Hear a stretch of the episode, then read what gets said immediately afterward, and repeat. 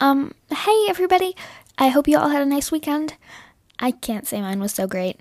You remember how the person on the speaker last Friday, um, I'll call them Robot, had a fake voice?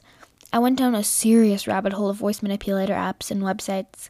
None of them have that exact robotic, swirly kind of sound. Don't ask me why that matters, because I cannot tell you.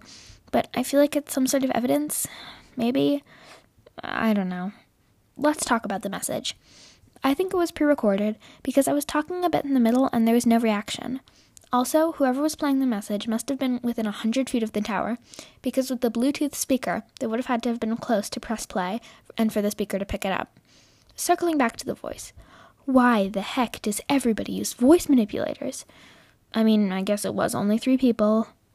Ooh, conspiracy theory. They're all the same person. I mean, it makes sense. Oh no. Robot said that they weren't a part of the Aces, so that doesn't work. I'm stumped. Maybe this was all just a wild goose chase.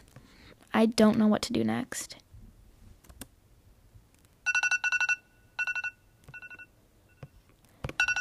Oh, remember how on Wednesday I told you that Pondfield has some of the best ice cream in the world?